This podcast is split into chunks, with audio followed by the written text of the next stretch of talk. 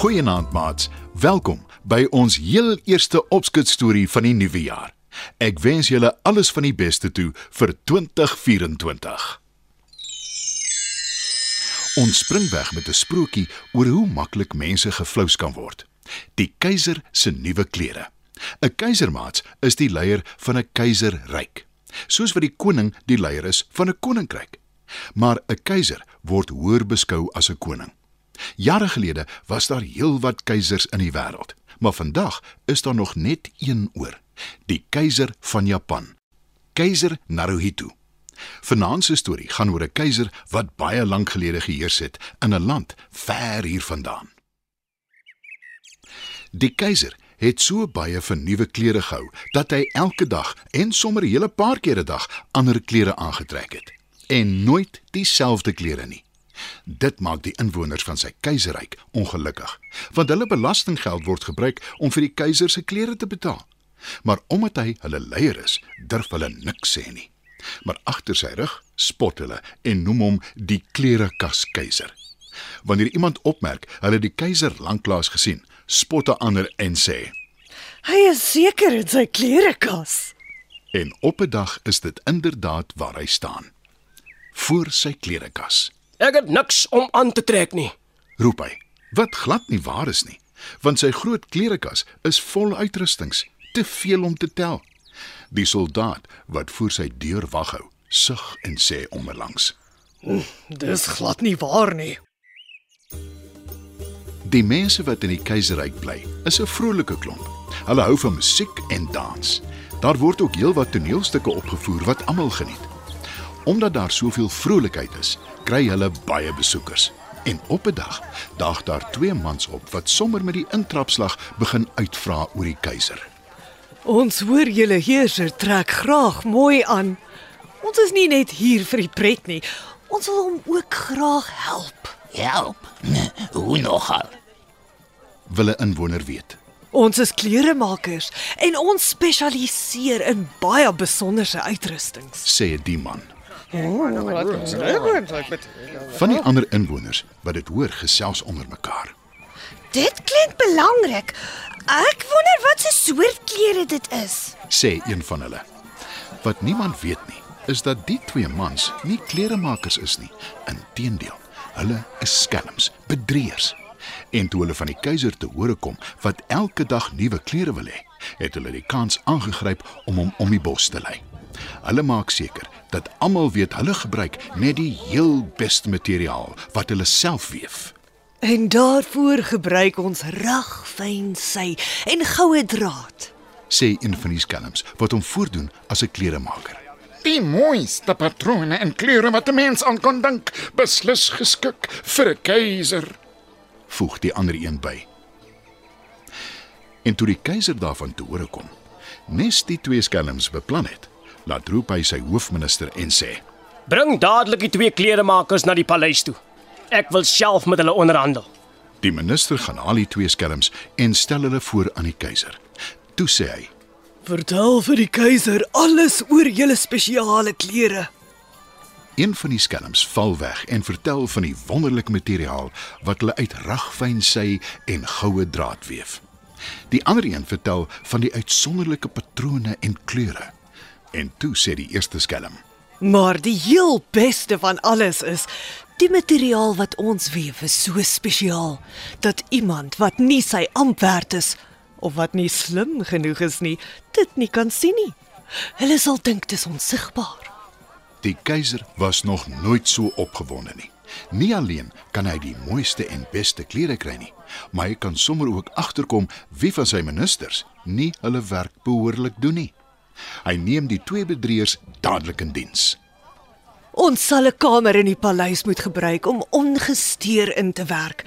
En ons sal weefmasjiene en sy en goue draad moet hê. sê die een skelm.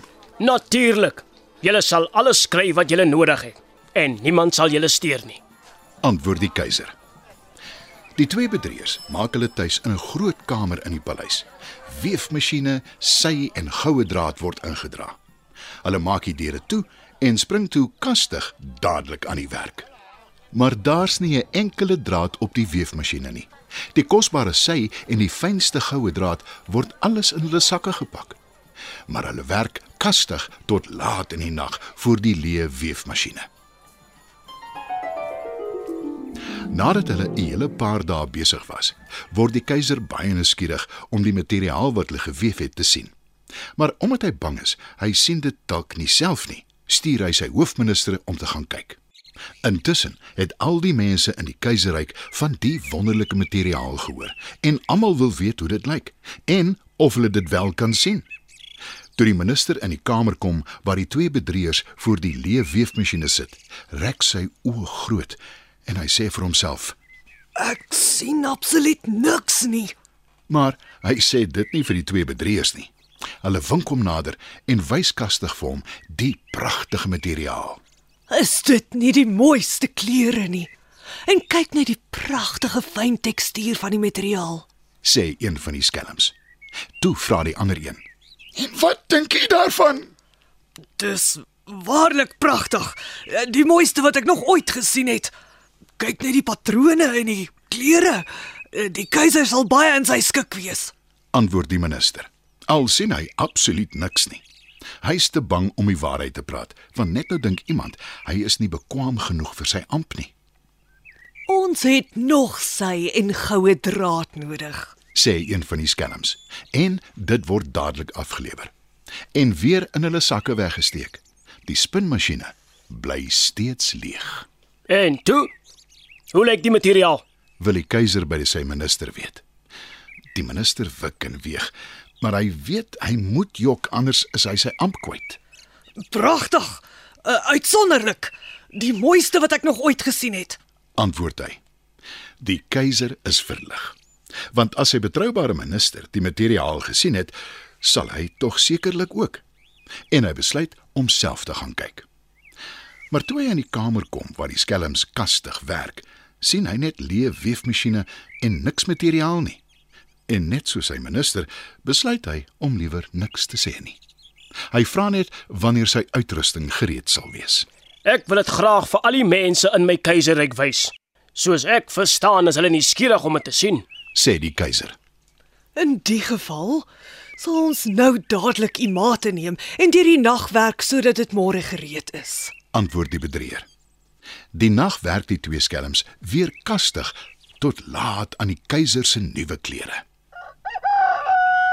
Die volgende oggend kom die keiser met sy gevolg om sy uitrusting aan te trek. Die twee bedrieërs wys kastig die klere vir die keiser. Hier is die baadjie en die mantel. Dit is so lig soos 'n spinnerak. Dit sal voel asof jy niks aan het nie. sê die skelm.